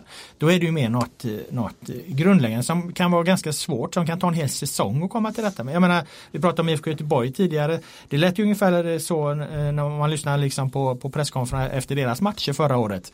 Eh, så var det hela tiden nya saker som inte fungerade. Man hittade, ja, nu var det det som inte funkar, nu var det det som inte funkar. Liksom, man får aldrig ihop helheten. Det har ju Blåvitt fått nu men Norrköping har inte det och de möts ju också. Ja men det jag tänker också, det kan ju vara så enkelt, alltså Simon Thern sa efter matchen att han tycker att de är för defensivt viktade just nu. Det sa han efter även i samband med Djurgårdsmatchen att de blir för passiva. Men kan det vara så enkelt att, att resten av laget har känt en oro kring att mittbackspelet inte har fungerat tidigare så att de så att säga tar ett för stort ansvar bakåt, att wingbacks vågar inte satsa lika hårt framåt, vågar inte vara lika så att säga, har samma frenesi i sina officiella löpningar som tidigare. Eh, Fransson och Tern tar för stort defensivt ansvar. Kan det vara så helt enkelt att de blir ett fegare lag? Sa Tern detta efter eh, att han hade deltagit i en fotbollsmatch som han sedan tio minuter senare analyserade? Så är det. Ja, men han är ganska duktig på det. ja, men jag ger inte mycket för spelaranalyser eh, tio minuter direkt efter Varför match. Inte det? Nej, men för det? att de har inte sett, de har inte ja. sett helheten. De upplever den ur, ur liksom sin privata bubbla och det är en fotbollsspelare. Framförallt i så fall, ja okej, okay. jag kan ge en spelare det att han har eh, en bra analys. Men då har han sprungit runt och tänkt på fel saker på planen. För då har han tänkt på liksom och, försöka skapa sig en bredare bild av hur den här matchen är. Du har inte det, det, det överblicken som, som spelare, eh, tror jag. Det är klart man kan ha ett helikopterperspektiv som spelare under en match. Jag, jag, litar sällan på det. Jag litar på en spelare, jag kan lita på en spelares matchanalys till en viss del, vad, vad han själv har gjort och, och i, enstaka, enstaka situationer som de har varit inblandade i. Men att en spelare ska tio minuter efter slutsignal gå ut och göra en korrekt, korrekt analys av en fotbollsmatch som han har varit en del av. Det kan ju till och med eh, vara svårt att se från en tränarbänk. Ofta behöver du för att få riktigt bra överblick, behöver du komma upp lite och, och se liksom exakt vad som händer i matchen. För att kunna göra en, en korrekt analys, att vara där nere på planen och, och ha exakt koll på allting som händer, ja, då har du haft fokus på fel saker. Jag håller med dig om mycket men i det här fallet så är jag nog inte helt enig med dig. Du menar att du kan analysera en fotbollsmatch? När man spelar den. Ja. man, man, kan ha eh, absolut en väldigt stark känsla av varför det går som det går under matchen. Det tror jag. Ja, man, absolut, man kan ha en stark känsla för, för det för jo, att man det... utgår från sitt perspektiv. Men det är inte säkert att det är det. För att han ser ju bara det som, han är ju bara, förhåller sig bara till vad som händer precis runt honom hela tiden. Han vet ju liksom inte hur, hur eh, motståndaren har eh, lagt upp sin strategi, vad de vill göra. Det räcker, det räcker du lyssna på en supporter efter en match och han är väldigt fokuserad på vad det egna laget har gjort. En supporter tar ju egentligen aldrig någon hänsyn till vad det andra laget har gjort. Och det gör du ännu mindre som, som spelare. Så att eh, man kan lyssna på, det, det, vissa saker kan spelare tillföra jättemycket. Eh, konkreta situationer, den egna insatsen, ifall den har haft väldigt mycket dueller mot, mot, mot någon. Men att tio minuter efter en match ha, ha en total eh, reflektion över. Ja, jag förstår inte varför. Vi, alltså vi, vi så att säga, amatörer anses ju kunna ha det när vi skriver vår analys om en match direkt på slutsignal. Anses vi kunna, kunna, kunna, kunna skriva en Ja, det tycker vi själva då i alla fall, en, en rimlig analys av varför matchen gick som det gick. Jo, måste du, den som kunna, jag förstår inte bara för att man är inblandad i matchen så tror jag absolut att man kan ha en känsla av varför. Ja, du kan ha, du kan ha en känsla, ja, men, men, jag, men, jag litar inte på den. Nej, okej, okay, nej, men det, jag, det, jag, det, är så, det får man... Jag, det... jag, jag, litar inte på den, jag litar på spelarna, vad, deras, eh, vad, vad som har hänt i deras närhet, men inte mm. att de har en, en jättebra överblick av matchen. Ja, så, ja. så kort in på. Utan där behöver du, du behöver gärna komma upp lite, se lite, vad det, se lite vad som händer. Och jag menar när vi sitter och analyserar, då är det ju mm. det vi ägnar oss åt. Mm. Vi, vi lägger ju, om du ser en match med en kompis mm. och sitter liksom och och ja, men du vet bara ta lite chips och, och köta lite och så. Och mm. sen ska du säga vad händer i den här matchen? Då har du jättedålig koll, då kan mm. inte du göra en bra analys. Nej. Däremot om du är på en bra position på, på arenan inte på tvn, för det är också sämre. Men en bra position på arenan, kommer upp lite, eh, eh, får, får, överblicken, hela tiden fokuserar stenhårt på att nu ska jag analysera den här matchen, du försöker dra slutsatser, du letar efter mönster och så vidare. Du kan sen gå in på presskonferensen, ställa någon fråga till tränaren, du har en bra bakgrundsinformation om båda lagen, var de befinner sig i näringskedjan, vad de vill göra och du kan dessutom få svar på dina frågor. Och det här är ditt fokus. Ja, då är det klart att din analys är mycket bättre än en spelare spelare som har sprungit och, och liksom försökt vinna boll, eh, vinna sina närkamper och så vidare. Jag Jag, tycker- skulle lita mycket, mycket mer på Per Boman Ja. efter en fotbollsmatch än jag skulle lita på Simon Tern efter en fotbollsmatch. Det, Det- det ska jag ge dig. Ja, det kan du kanske vara ensam om å andra sidan. Jag tror inte man ska underskatta den intellektuella kapaciteten som en spelare har även under, under matchens gång. Men skit i det, det här är ju en, eh, det är en Ja, sidodiskussion. men jag tror att det är en intressant diskussion i och för sig. mm. Däremot så glömde jag var vi egentligen var i vårt bredare IFK Norrköpings-snack. Dömde vi ut deras guldchans eller inte? Alltså, jag tror att det är svårt att ta sig tillbaka efter en sån här start, men att döma ut redan nu, nej det vill jag inte göra. Jag, skulle till, jag, jag kan säga så här, jag är 100% säker på att IFK Norrköping kommer att vinna SM-guld 2019. Har vi satt ner foten där. Och eh, går över till eh, Olympias tungsprungna gräs och eh, P.O. Jungs eh, P.O. Jung show. Eh, Helsingborgs tränare, han var ju händelsernas centrum. Vi väntar lite med P.O. Jung och eh, jag testar en, teori på det där som, som eh, jag såg när Hammarby mötte Helsingborg och vi såg nu tydligt när eh, Djurgården mötte Helsingborg att det blir så oerhörd skillnad på första och andra halvlek och jag tänker att det måste ju nästan underlaget spela en stor roll när det blir sådana oerhörda skillnader. Alltså i, i eh, den här Helsingborg-Djurgården-matchen så är skillnaden mellan första och andra halvlek extrem. Efter 55-60 minuter så, så eh, är det total dominans för Helsingborg och då har Djurgården ändå lett den här matchen ganska så rättvist efter en helt okej första halvlek. Eh, nej, det är klart att det är ovant för vissa lag att spela på gräs. Det var ju Djurgårdens första Ja. gräsmatch för säsongen. Och Bergstrand sa ju också på presskonferensen efteråt att det, det finns en fysisk dimension av det här. Och, Ja. och det roliga var att Rasmus Jönsson berättade flink eh, sa ju faktiskt att Helsingborg har det här som taktik. Att de vet att motståndarna kroknar i andra halvlek. Samtidigt tryckte han väl ännu mer på Bergstrand på att det fanns en, en taktisk förvirring i laget och en, eh, ja att han, han sa väl i princip att det, var, det såg så jävla illa ut så det fanns ingenting att göra. Vi lät dem bara spela vidare. Var inte det i princip det som var summan av det Jo, han sa? jag, noterade att det var väl i och för sig Lagerlöf som hade Ja, den Lagerlöf, förlåt. analysen. De hade lite olika analys av det. Ja, men jag, jag, jag köper inte det riktigt. Alltså, det, fanns, det fanns ingen anledning att, alltså jag kan köpa att det blev så, men det fanns ingen anledning att det skulle bli så. Det var ju samma spelare som kom ut på planen. Eh, Helsingborg gör inga förändringar. Eh, de spelar inte på något annat sätt eller så liksom, utan det är bara att de, de slår upp tempot. Det bara kommer lite djupledslöpningar. Andreas Landgren som hade rört sig i mittcirkeln hela första halvlek är plötsligt och tar en djupledslöpning mot egen eh, kortlinje. De sätter upp tempot, det går lite fortare, det kommer fler löpningar in i box och så vidare. Och, och, och här får Djurgården he, helt enkelt allt svårare ju längre den här matchen lider och hänga med. Jag menar, man brukar säga att matcher, fotbollsmatcher nästan alltid öppnar upp sig från och med minut 75. Eller hur? Det, är, det är du med på? Mot Mm, slutet. ja, det blir mer mm. chanser och, och så för att spelare blir trötta, det kommer in fler misstag. Om du, om du liksom utgår ifrån att Djurgården som gör sin första match på gräs är mer, tar det här en kvart tidigare, liksom, att de börjar bli trötta redan runt timmen spel, eller kanske runt 50-50 minuter. Så passar det ganska väl ihop också med hur, hur matchbilden blir. Det blir fler öppningar för Helsingborg. Och Flexibility is great. That's why there's yoga. Flexibility for your insurance coverage is great too. That's why there's United Healthcare Insurance Plans. Underwritten by Golden Rule Insurance Company, United Healthcare Insurance Plans offer flexible, budget friendly coverage for medical, vision, dental, and more. One of these plans may be right for you if you're, say, between jobs, coming off your parents' plan, turning a side hustle into a full hustle, or even missed open enrollment. Want more flexibility? Find out more about United Healthcare Insurance Plans at uh1.com. som sagt, det fanns egentligen ingen jättestor, eh, det fanns ingen anledning till att det skulle bli så.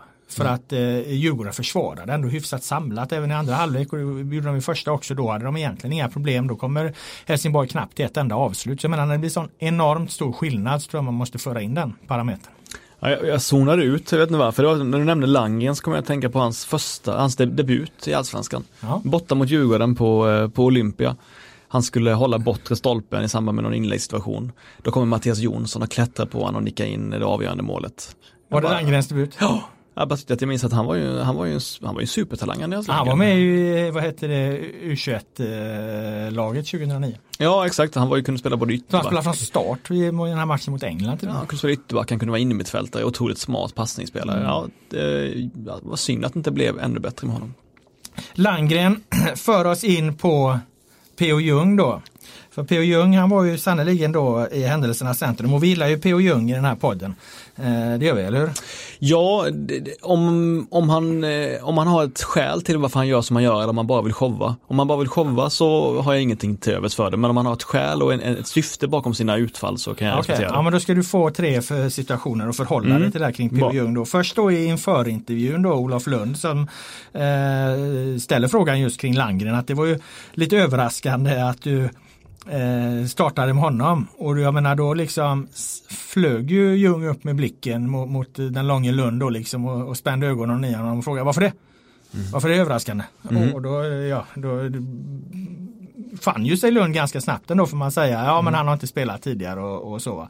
Och, och, och då frestade han väl till svar att eh, ja, ja men det är det enda tillgängliga alternativet vi har i truppen. Ja då får du mitt svar på den. Då tycker jag att det var klumpigt agerat av en tränare att säga så. Eh, när Langen får höra det av sina föräldrar och kompisar efteråt. Ja du får spela för att det fanns ingen annan. Man kan säga att det är ärligt. Är han inte så. bara spontan där? Då? Jo, men, jo alltså, jag tycker det, ja, alltså, det är kul att lyssna på. Ja. Men eh, som, för, för trän som tränare för ett lag så då ger han efter för sin, för sin egen, eh, så att säga, han ger ju efter för sitt, sin, sin instinkt att vara slagkraftig. Eh, snarare Skyddar, än, eller, men kan inte hans grundreaktion vara också att skydda sin spelare? Att det är absolut inte konstigt att Andreas Landgren, denna fantastiska fotbollsspelare, ja, spelar här. Om man hade låtit bli vid första, om man hade sagt det, men om man säger vi har ingen annan så kan man säga att han, sk han skjuter Nej, det resonemanget i sank. Alltså, det var den enda tillgängliga eh, som kan spela från start och då var det mot bakgrund av att Johan Persson fanns ju, mm. är också central mittfältare, mm. fanns på bänken men höll då inte för 90 eh, minuter. Nej, Nej exakt, men jag tycker ja, väl att första ledet. Jag tror att han är spontan, mm, ja, snarare. Mm, mm. Eh, sen på presskonferensen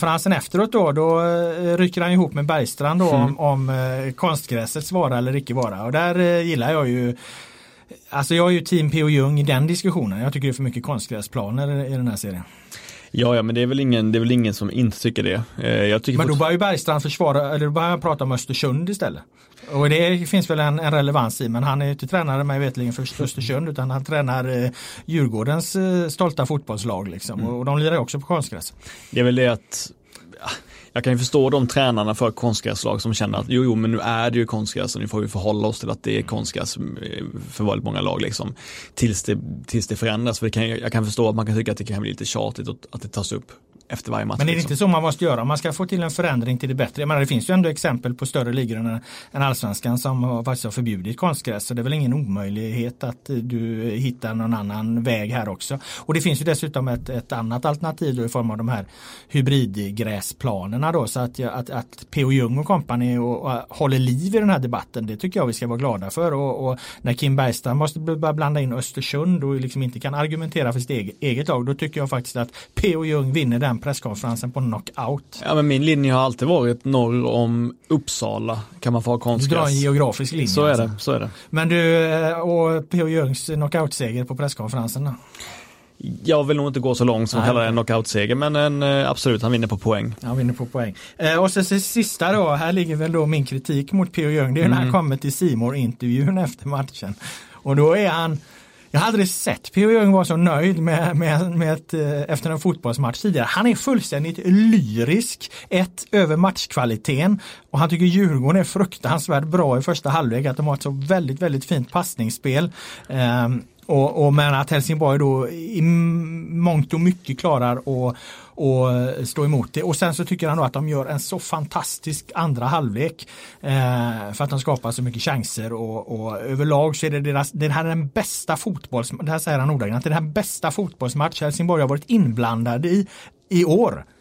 Och jag satt ju bara liksom och, och synd att Backe liksom inte var lite hårdare mot honom. Men Backe är ju inte någon journalist. Så jag tycker Hasse Backe är en duktig expertkommentator. Men, men han, han går ju inte i polemik med, med, med Ljung men jag är övertygad om att, att Backe inte kan hålla med om detta för att alla var överens efter, om, efter första halvlek, även i den här simon studion och då var inte Ljung där, om att det var ett väldigt, väldigt lågt tempo i den här matchen. Mm. Den blev ju försenad på grund av att de brände bengaler där på Djurgårdsläktaren och maskerade snubbar så att eh, det var ju försenat i en 50 minuter och jag vet inte om det var det som gjorde att det började i ett väldigt lågt tempo och det fortsatte i ett ganska lågt tempo under första halvlek. Eh, och då är det klart att Djurgården kan ha ett bra passningsspel om tempo. Då är det lättare att ha ett, ett, ett, bra passningsspel. För det hade de, det kan jag hålla med om. Men, men det handlade också om att tempot var lågt. Det var inte att det var en sån fantastisk fotbollsmatch som P.O. Ljung ville få det till. Men jag förstår ju vad, han, vad, vad det är han gör. Och, och, han skickar ju antagligen samma budskap till sina spelare i omklädningsrummet. Han säger antagligen ungefär samma sak. För Helsingborg har varit inne i en tung tid. Nu gör de en, en bra andra halvlek. De får med sig en positiv prestation. De får inte poängen. Men han vill liksom eh, gjuta olja på de här vågorna. Han vill förstärka det här intrycket. Så han överdriver något så in i helvete. Och det blir ju verkligen också en, en, eh, enorm överdrift. För att ingen som såg den här matchen kan hålla med om P.O. Ljung om att det var här var en otrolig fotbollsmatch. Ja, så du menar att det kanske klingar lite falskt även för, för spelarna när man, när man tar i för hårt så att man spricker? Jag vet inte, till skillnad från dig så tror jag ju att spelarna går att lura ganska enkelt. I alla fall eh, 90 % av dem. De är inte riktigt så. De får väl eh, protestera om jag har fel. Men jag tror liksom inte att de, man lyssnar väldigt mycket på sin tränare. Alltså en fotboll, är, du, är du i ett fotbollslag, i alla fall var det så på den tiden jag spelade på, så, så bygger fotboll, eller tränaren bygger väldigt mycket av spelarnas världsbild runt det egna laget så att säga. Eh, när man sitter där liksom på, på måndagen efter helgens matcher och, och, och, går igenom så, så, är det, så är det som tränaren säger. Liksom. Om det var det här vi var dåliga på så, så i alla fall om man litar och man tror på sin tränare. Om, om tränaren liksom har uh, har gruppen med sig så att säga. Och det, det, är en bra fotbollstränare. Och man märker att hans instruktioner är, är bra. Och, ja, normalt så lyssnar ju fotbollsspelare på eh, eh, sin tränare. Och det handlar ju inte bara alltid om att tränarna är så jävla fantastiska. Det handlar också om att eh, som fotbollsspelare har du eh, ett fokus utöver att laget ska vinna. Och det är att du själv ska spela så mycket som möjligt. Och, och, och, och då gäller det liksom att och hålla sig väl med tränaren och göra som tränaren säger och, och mm, köpa det tränaren säger. Helt enkelt. Det liksom ligger i, i, sakens natur. Så att jag tror att det här budskapet när han, han förstärker, jag tror säkert att många av Helsingborgs spelare är säkert övertygade om att det här var en helt fantastisk fotbollsmatch. Så P.O. gjorde fel men rätt? Nej, alltså ja, det där tror jag är fullt medvetet. Mm. Alltså han, han, Men du hade någon typ av kritik mot det? Bara att det var verklighetsfrånvänt på något sätt? Ja, alltså det, är det blir verklighetsfrånvänt för oss som ja. har ett lite bredare helikopterperspektiv på saker och ting och kan sitta på meter upp och titta på det här då, till skillnad från de som befinner sig rakt, rakt ner på plan. Men jag är helt övertygad om att det är en, en, en medveten strategi. Eh, därmed släpper vi Helsingborg, Djurgården och eh, P.O. Ljung. Eh, vi har fått rätt mycket från läsarna här eh, och vi ska eh, kasta oss över det direkt. Eh, många vill att vi ska prata om Kalmar-Östersund för att det har tydligen varit en extrem fotbollsmatch. Kalmars kanonad. Eh, och där Östersund, det blev alltså 1-1 i den här matchen. Men Östersunds egna fans eh, rubriksätter ju den här fotbollsmatchen på sin svenska fans-sida som stölden, stölden mm. i Kalmar. De menar på att de kom undan med, med ett poäng där. Jag har snappat upp lite statistik därifrån. Det kan vara intressant att se om det stämmer överens med med din bild. Men Kalmar har ju den här matchen, alltså de har 23 avslut mot Östersunds 7. Eh, eh de har 11 klara målchanser. Vilket är väldigt mycket. Eh, de gör ju ett mål då. Eh, av de här 23 skotten och 11 målchanserna så är det 8 stycken på mål. Eh, och i det som kallas expected goals då som är populärt att prata om nu för tiden men som jag tycker att man ska vara eh, man ska också vara eh, lite kritisk mot, men de har i alla fall 2,7 i XG då, alltså att de ska göra nästan tre mål i den här matchen, eller 2,7 då mot eh, Östersunds 0,83 och 2,7 XG är ganska högt. Det är, det, är en, det är en hög siffra eh, jämfört med andra siffror som det brukar bli efter fotbollsmatcher. Och de största syndarna här då, eh, de som har sina chanser här då, eh, Kabir har ju en del, eh, Romario, han gör väl ett mål dock. Så att, eh, Missar straff. Ja, bommar straff också. Så att, eh, ja, nej men det, det statistiskt så är det ju, är ju det här liksom en Statistiskt kan man säga att det här sammanfattar lite av Kalmars säsong. De har en seger, fem oavgjorda och en förlust. Det man kan säga om Kalmar som har varit en sanning i flera år, det är att de fortfarande inte har ersatt Marcus Antonsson. De har fortfarande inte hittat en riktigt bra målskytt och det låter alltid enkelt när man säger det, det låter alltid banalt, men det är ju så. Jag tror inte de har haft någon anfallare som har gjort mer än 5-6 mål någon säsong sedan Antonsson stack. Och det är ju ett jävla stort problem helt enkelt. De har ju värvat in en hel del, Maxwell, Cabio och några till och det kan säkert lossna framöver men det gör inte det än så länge och då är det ju jävligt jobbigt att behöva skapa 15 chanser per mål helt enkelt. Mm. Men det är ju också en sanning i fotbollen att det är ju det som kostar pengar. Det är ju, det är ju de eh, avslutarna som är de dyraste och Kalmar har ju förvisso värvat väldigt mycket men det är ju någon, i någon mening är det också ett budgetbygge. Och eh, om man ställer det mot den verkligheten att det är något av ett budgetbygge det här så eh, är ju den här typen av matcher inte så förvånande. Nej men ing, så här, inget lag har haft sämre träffsäkerhet vad gäller anfallsköp än Kalmar eh, de sista fem åren i Allsvenskan. Så är det bara. Hårda ord. Eh, vi lämnar Kalmar och vi tittar framåt mot eh, det som komma skall för att Allsvenskan går in i ett eh, väldigt intressant skede nu kan man säga. Det är alltså från och med fredag eh, då omgång 8 sparkar igång med att Hammarby möter Sirius. Så är det, är det alltså allsvenska matcher i princip varje dag i, i tio dagar framåt. Det, det, går, det, ja, det är väl typ den, den 17 maj Norges nationaldag. Då är det ingen allsvensk match. Men sen är det alltså allsvenska matcher hela tiden eh, eh från och med fredag här nu. Och det är ganska eh, en hel del tunga matcher också. Vi har ju Stockholmsderby, Djurgården-AIK. Vi har eh, eh, eh Malmö FF IFK Göteborg som, eh, ja nu får man ju gradera upp det, det mötet igen då. Det, det, var ju lite på lite lägre nivå när det gick dåligt för Blåvitt men, men nu är ju den matchen glödhet igen mellan IFK och, och Malmö. Eh, vi har eh, vi har IFK Norrköping, oerhört viktig match för dem då mot, just IFK Göteborg i kommande omgång. Vi har eh, eh, Hammarby som har ett ganska enkelt eh, ganska enkel resa under den här intensiva perioden. Först då mot eh, eh, Sirius och sen har de hemma och sen har de hemma även mot Östersund. Eh, och sen har de då borta match mot Blåvitt. Eh, blir, blir då kanske tuffare, det är på gräs dessutom. Eh, så att det är en oerhört eh, intensiv och många sätt avgörande period. Ja, lyssnarna ser ju inte det men jag sitter och skruvar mig när du berättar om det här och, och liksom eh, tar mig för ögonen och för pannan och sådär. Det är för att jag, jag mår bara dåligt av den här. Jag, jag tycker det känns som att du tycker att det blir en så här spelprogramskarneval här vidare. Det blir match på match på match. Bara du hör det? Nej men jag vill ha tydliga omgångar, två, tre dagar emellan, få samla ihop, lugna ner sig. Jag gillar inte när det kommer match efter match efter match. Jag får, jag får bara ångest av det här, det här när det bara blir mer och mer och mer och mer. Det är hellre tydliga, tydliga avstamp mellan varje omgång. Usch. Eh, jag gick ut på Twitter att jag tror att efter den här eh, eh, omgångskanonaden då som du ju bävar inför då. Så tror jag att det kommer utkristallisera sig en topptrio i allsvenskan. Bestående av Malmö, eller i alla fall fram till sommaruppehållet ska man väl säga. Det kommer utkristallisera sig en, en, en topptrio, inte kanske så jättetydligt i poäng men i alla fall att vi har en, en topptrio där med, eh, och nu gör jag ingen inbördes ranking inbördes ordning här men i alla fall Malmö FF eh, på grund av att de trots allt är bäst i båda straffområdena. Eh, häcken släpper in minst antal mål. Tittar man på minst antal mål, insläppta mål rent statistiskt tio år bak i tiden så har det, det laget som släpper in minst antal mål aldrig slutat eh, sämre än fyra. Eh, jag skulle tro att snittplaceringen för det lag som släpper in minst antal mål är eh, någonstans tvåa, trea. Eh, det är inte samma tydlighet på det laget som gör flest mål faktiskt. Till exempel i fjol så gjorde Häcken flest mål, de slutade femma. Eh, så att eh, just det här med att släppa in minst antal mål är, är en, en väldigt, väldigt stark framgångsfaktor även i förhållande till flest gjorda mål.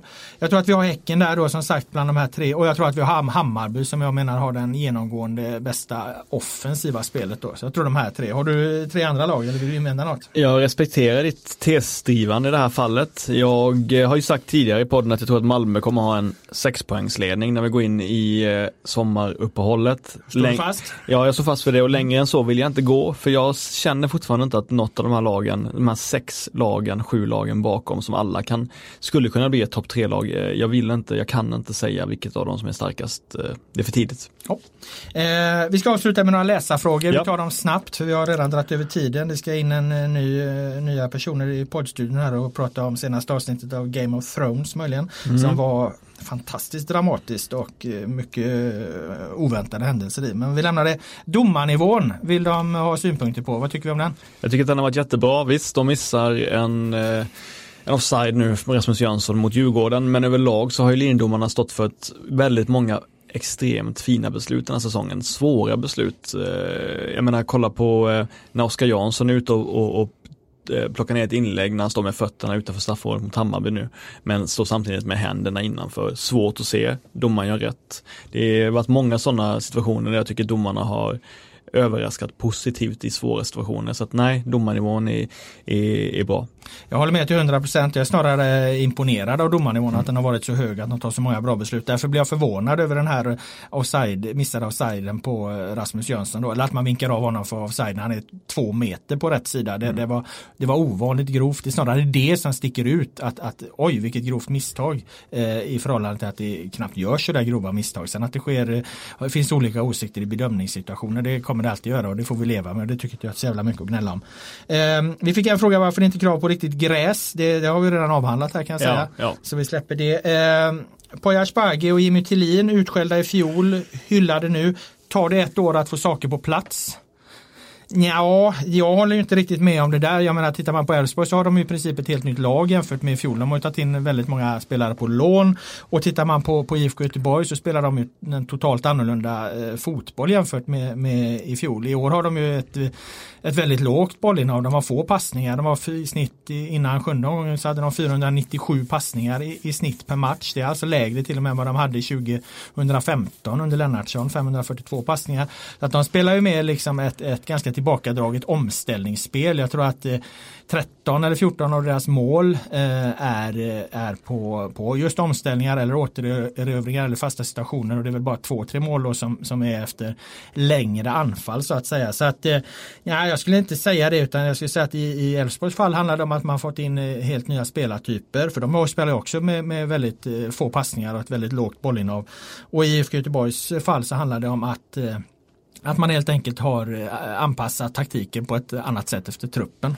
Har du något att invända? Nej, jag glömde säga det bara innan äh, angående Norrköping mot Elfsborg. Att Elfsborg var väldigt bra, väldigt bra andra halvlek och var återigen Pavel, även om det känns tröttsamt att säga det så var han otroligt bra igen. Då avslutar vi med en fråga för, om just Elfsborg. För att läsarna kräver en hyllning till Simon Olsson. Ger du dem den? Alltså jag var jätteimponerad av Simon Olsson när han slog igenom i Elfsborg för vad är det, två och ett halvt år sedan eller två år sedan, jag kommer inte komma riktigt ihåg. Där han visade upp det här sjuka lugnet med bollen trots att han var så jätte, jätte ung. Så jag var jätteimponerad av det. Eh, jag tycker inte alls han haft den enorma utvecklingen sedan dess. Jag tycker att han är på en liknande nivå, kanske lite bättre än tidigare. Jag tycker fortfarande att han slarvar en hel del i det egna passningsspelet. Jag tycker fortfarande att han är en ganska svag duellspelare. Eh, men visst, han har någonting pirrlust över sig som är, som är spännande, men jag tycker fortfarande inte att han är han är mycket närmare 3 plus än 4 plus i allsvenskan. Ja, det var inte mycket till hyllning eh, våra lyssnare fick den gången. Men det kanske de får nästa vecka för att då är den allsvenska podden tillbaka med ett eh, eh, nytt avsnitt. Jag tackar Per Boman för att du kom hit med dina kloka synpunkter som vanligt och jag tackar alla er som har lyssnat. Ha det så bra!